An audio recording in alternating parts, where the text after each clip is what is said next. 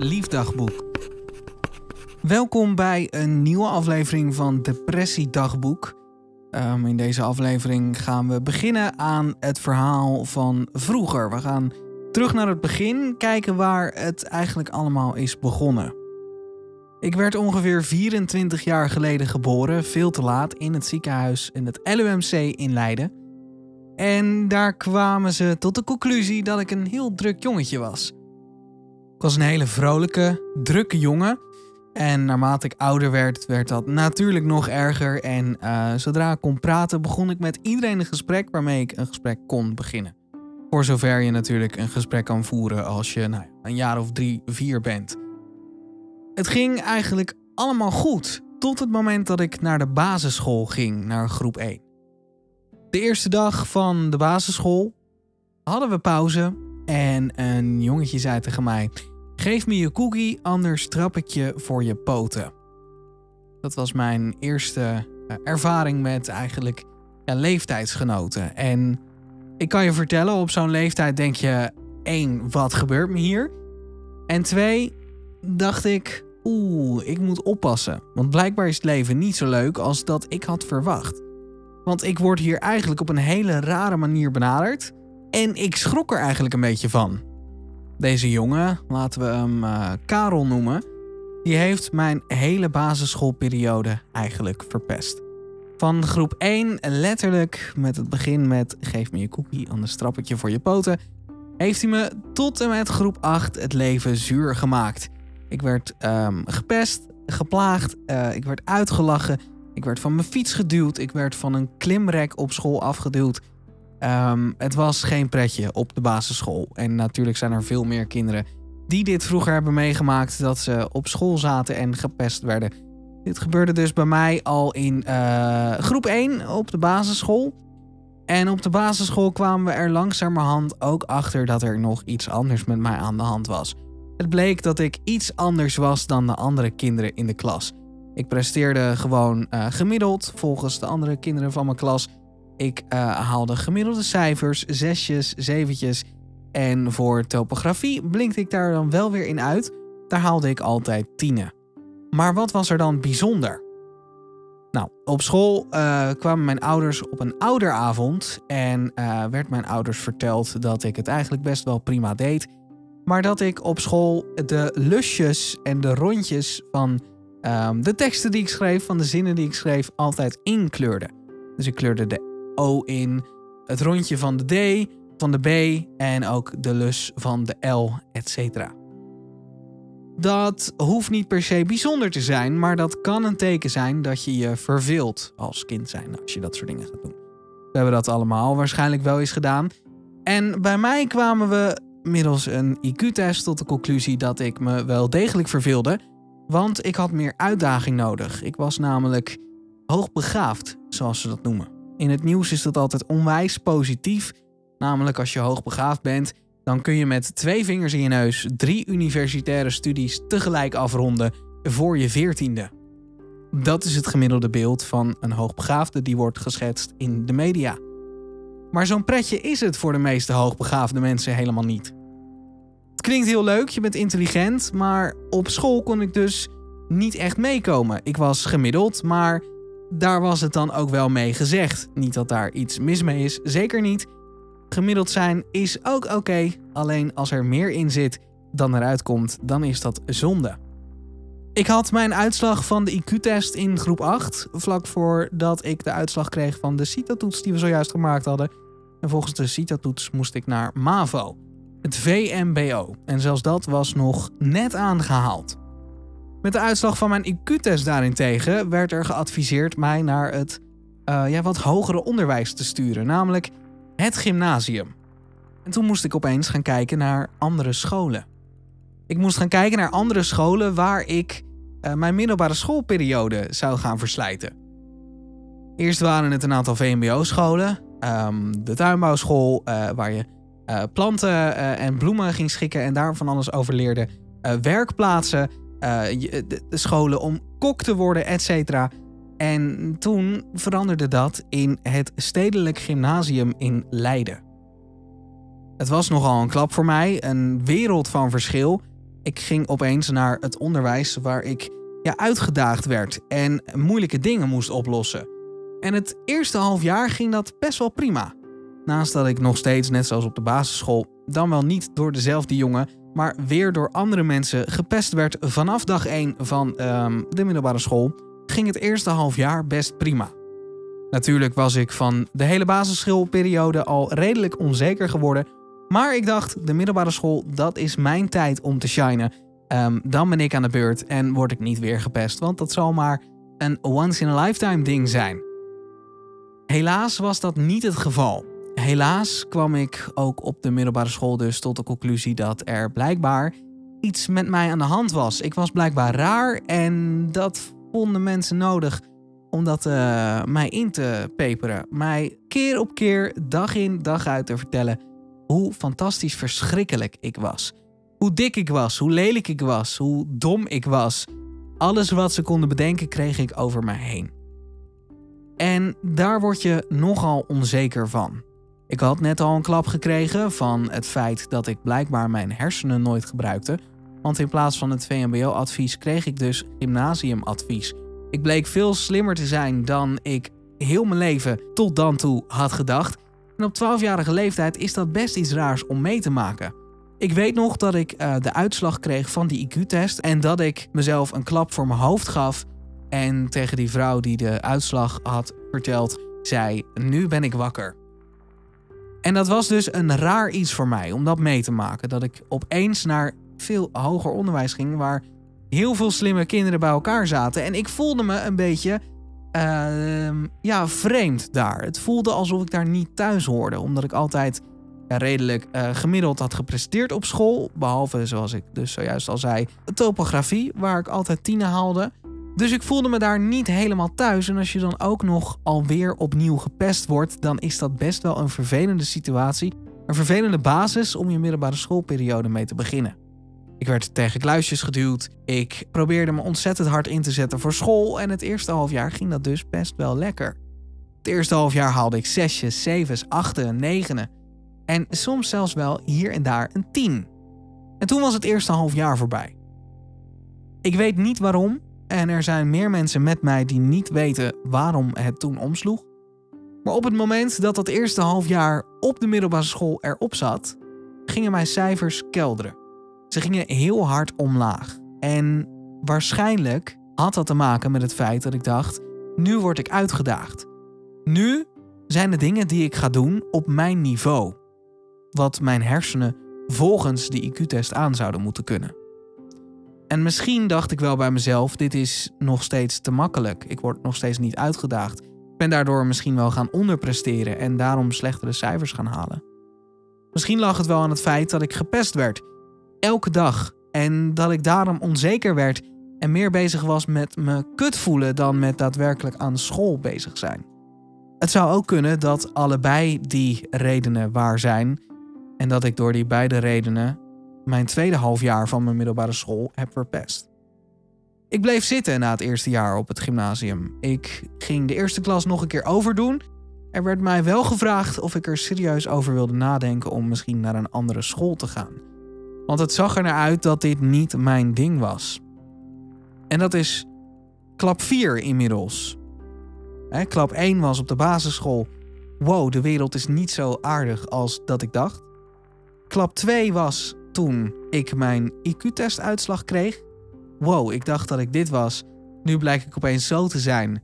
Wat is hier aan de hand? Klap 3 was moeten blijven zitten op de middelbare school, terwijl ik volgens de testen dit makkelijk zou moeten kunnen halen. En klap 4 was mijn mentor, die mij recht in mijn ogen aankeek en zei: Misschien is dit wel niet gemaakt voor jou. Mij is destijds verteld dat op het moment dat je een IQ hebt, zoals dat voor mij, dat je dat zou moeten kunnen inzetten om ja, het, het gymnasium af te kunnen ronden, de volledige zes jaar. En daar ging ik dus van uit. En nu zat er iemand tegenover mij mijn mentor nota bene, die je moet vertrouwen met alles wat er gebeurt in je thuissituatie, op school, eh, dat je gepest wordt. Als je vragen hebt over waarom het niet lukt met de cijfers, waarom het niet lukt met huiswerk, wat je moet doen om het allemaal op een rijtje te krijgen, die vertelde mij doodleuk dat ik helemaal misschien wel niet gemaakt was voor deze opleiding. Dat was klap 4. Ik werd niet geloofd. Er geloofde niemand in mij. Dat is hoe het voelde. De mensen die er namelijk wat vanaf moesten weten, de mensen die dus daar les gaven, en zeker mijn mentor, die vond dat het misschien wel helemaal niet voor mij was. Je wordt onzeker van iedere dag gepest worden, door iedereen vreemd nagekeken worden, buitengesloten worden. Je wordt er onzeker van. En op zo'n jonge leeftijd is dat niet iets wat veel moet gebeuren, want dan ga je daar in je verdere leven nog, als je niet weet hoe je daarmee om moet gaan op dat moment, ga je daar nog last van krijgen. Ik koos ervoor om toch de klas opnieuw over te doen. Een nieuwe start, een nieuw schooljaar, weer de eerste klas, weer de brugklas en nieuwe kinderen. Misschien werd ik hier wel niet gepest en ging het met de cijfers ook beter. Ik kreeg huiswerkbegeleiding, vier dagen per week. Een, ehm, volgens mij was het twee uur lang huiswerkbegeleiding. We gingen iedere dag werken aan wat er voor de volgende dag te doen was. Toetsen waarvoor ik moest leren. Uh, ik haalde alles uit de kast om het dit jaar gewoon te gaan halen. En tot mijn spijt zaten er ook in deze tweede klas een aantal mensen die mij niet zo zagen zitten. Er zaten weer mensen die het op mij gemunt hadden. Eén gebeurtenis kan ik me nog heel duidelijk voor me halen. En als ik daar nu aan terugdenk, dan word ik weer misselijk en voel ik me heel erg onveilig. Het is een moment dat ik een schoolkrantje zat te lezen op, um, op de trap in de aula. Het hele voorval is gefilmd, op YouTube geüpload en vandaar dat ik je dit deel van het verhaal kan vertellen. Op het filmpje is te zien hoe een jongen naar mij toe komt gelopen van achter, terwijl ik rustig dat schoolkrantje zit te lezen en mij een ontzettend harde trap voor mijn hoofd geeft. Vervolgens, als ik van de pijn en verbazing op de grond val, blijft hij op me intrappen, blijft hij op me inslaan. Hij gaat met zijn tas vol boeken tegen mijn hoofd gooien. Hij is niet meer te stoppen. En in tegenstelling tot alle kinderen uit mijn eigen klas die om mij heen staan, alle kinderen uit andere klassen die om mij heen staan, die inmiddels een kring om mij heen hebben gevormd, me gaan helpen en tussen ons inkomen, gebeurt er eigenlijk juist het tegenovergestelde. Iedereen had net een beetje een telefoon, uh, YouTube begon een hit te worden. En wat bedachten zij? Joh, laten we het filmen en uploaden op YouTube, dat is leuk. Ik durfde nooit tegen iemand te vertellen wat er gebeurd was. Tot ik twee maanden later erachter kwam dat dat filmpje dus inderdaad op YouTube was verschenen. Ik was kapot van binnen. Niet alleen was me iets heel vervelends aangedaan, waar ik niet om had gevraagd, wat ik niet had verwacht en waar ik me niet tegen kon verweren, het was ook op YouTube gekomen. Er hadden inmiddels 13.000 mensen gekeken naar hoe ik volledig in elkaar werd getrapt en weerloos op de grond lag en het allemaal liet gebeuren. Terwijl iedereen die om me heen stond, lachte om wat er gebeurde. Klap 5. Het is moeilijk om eraan terug te denken. Ik um, heb je in de vorige aflevering verteld over de EMDR die ik volg, de traumatherapie die ik volg. Die gaat onder andere over dit voorval. Waar dit namelijk voor heeft gezorgd is dat ik grote groepen mensen niet meer vertrouw. Als ik mensen over straat zie lopen die met meer dan twee tegelijk zijn, word ik gek. Ik word gespannen, ik word bang, ik zoek naar uitwegen om zo snel mogelijk te kunnen vluchten. En het is niet fijn voor mij, groepen. Dan kun je je voorstellen hoe dat is in een aula tijdens de pauze. Hoe dat is in een klaslokaal, ook al staat er een docent bij. Hoe het is als je naar een feestweek gaat, naar de kermers, naar een pretpark. Het is voor mij bijna niet te doen. Ik heb het schooljaar afgemaakt en met de hakken over de sloot heb ik het gehaald en mocht ik door naar de tweede klas. Nog steeds op mijn favoriete school waar ik iedere dag, ondanks dat ik onwijs gepest werd en me onveilig voelde, kwam ik met een grote glimlach dat gebouw binnenlopen morgens vroeg. Voor de mensen die uit de regio Leiden komen, die misschien zelf op het Stedelijk Gymnasium in Leiden hebben gezeten, die snappen misschien wel wat ik bedoel. Als je die school binnenloopt, lijkt het een beetje op een Harry Potter school. Het is echt een hele mooie, oude, klassieke sfeer die daar hangt. En ik kwam daar nog steeds iedere morgen met plezier. Ik begon aan de tweede klas. En ook dat ging net als de eerste keer het eerste jaar niet goed. Het begon leuk, maar de goede cijfers werden weer steeds minder. Of de gemiddelde cijfers moet ik zeggen. Zesjes, zevens werden vijven, vieren, toen drieën. En op de helft van het tweede jaar vond iedereen het toch wel echt tijd dat ik naar een andere school ging. Inmiddels had ik gedachten aan zelfmoord. Inmiddels had ik plannen gemaakt om zelfmoord te plegen. Had ik uitgezocht wat ik de beste manier vond. En had ik mijn eerste psycholoog en mijn eerste psychiater inmiddels gehad. Ik zat aan de antidepressiva. Werd vaak door mijn ouders naar school gebracht omdat ze mij niet alleen op de fiets naar school durfden te laten gaan. Omdat ze bang waren dat ik mezelf iets aan zou doen onderweg. En dus nooit daadwerkelijk op school aan zou komen. En ook bij die psycholoog en psychiater gingen weer dingen fout. Bleek achteraf. De eerste psycholoog die ik had, ehm, die vertelde ik mijn verhaal. En na mijn hele verhaal te hebben gedaan, zei zij tegen mij: Ik vind dit te eng. Ik ga je doorverwijzen naar iemand anders. Dat is niet fijn om te horen. Het enige wat jij wil horen is dat het goed gaat komen. Dat het normaal is hoe je je kan voelen. En dat ze je gaan helpen om je beter te voelen. Want je wil niet dood, maar je hoofd vecht tegen je. Je hoofd vecht tegen je eigen gedachten en probeert je ervan te overtuigen, samen met de onzekerheid die je hebt gekregen door de jongeren op de middelbare school die je helemaal het leven zuur hebben geprobeerd te maken.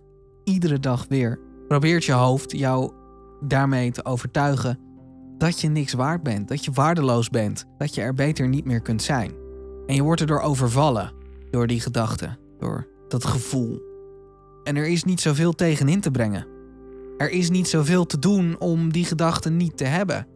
Je moet onwijs sterk zijn, wil je die gedachten tegenhouden. Het is iets wat je hoofd wil en je hoofd is een ontzettend sterk iets. Mijn eerste psychiater, daar werd ik naar doorgestuurd, dus na die psycholoog om daar aan de medicatie te gaan. De beste man uh, vond dat ik ADHD had, omdat ik tijdens het intakegesprek de hele tijd met mijn ringen aan het spelen was. En daar waren wij het niet mee eens. Hij geloofde niet in onderpresteren, hij geloofde niet in hoogbegaafdheid. En vond dat daar geen problemen rondom konden zijn. Dus na een iets wat verhit gesprek heeft hij gezegd: Guido, zoek het maar uit met je medicatie. Zoek maar uit hoe je wil afbouwen met die medicatie. Zoek het allemaal maar uit. Ik hou ermee op. Dat was de volgende klap.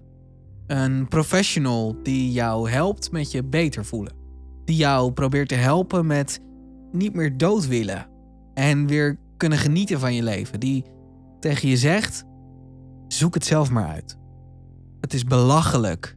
Het is echt ronduit belachelijk dat je dat een 14-jarige aan kan doen. Het is je werk en ik had toen ik bij de kruidvat een bijbaantje had ook wel eens geen zin om naar mijn werk te gaan. Maar dat, dat richt je niet af op klanten. Als jij geen zin hebt om psychiater te worden en te dealen met mensen die zelfmoord willen plegen, ga dan dat werk niet doen. En ga het zeker niet uiten op de mensen die jij ziet, die daar komen voor hulp.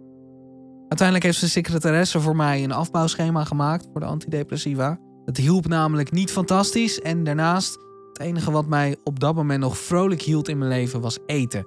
En ik heb daadwerkelijk zitten huilen om het feit dat ik na één hapje pannenkoek geen tweede meer kon nemen omdat ik vol zat van de medicatie. Zij heeft dus een afbouwschema voor mij gemaakt, compleet niet hoe het zou moeten gaan met hulpverleners, maar dat is wat er gebeurd is.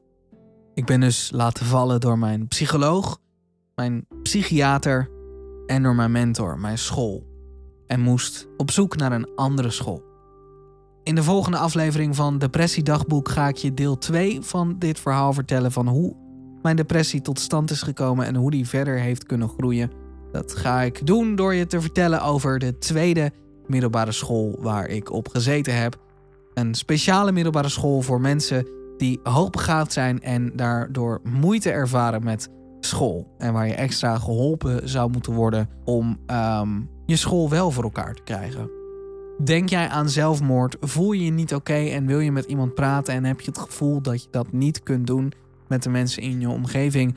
Ga dan naar 113.nl. Zij kunnen volledig anoniem met je bellen, chatten en mailen. En met hen kun je dus je verhaal delen en kun je het even kwijt. Mocht je depressief zijn en hulp willen zoeken, maar niet weten waar je moet beginnen, ga dan naar mijn website www.praterover.com en daar kun je meer informatie vinden over wat je moet doen als je depressief bent, je niet blij voelt en daar iets mee wilt doen. Mocht je er al een tijdje over twijfelen om hulp te gaan zoeken, dan wil ik je vragen: wacht alsjeblieft niet langer. Niks is het waard om je dag in dag uit van je leven niet op en top fijn te voelen. Ga het nou gewoon doen. Ik geloof in je. Praat erover.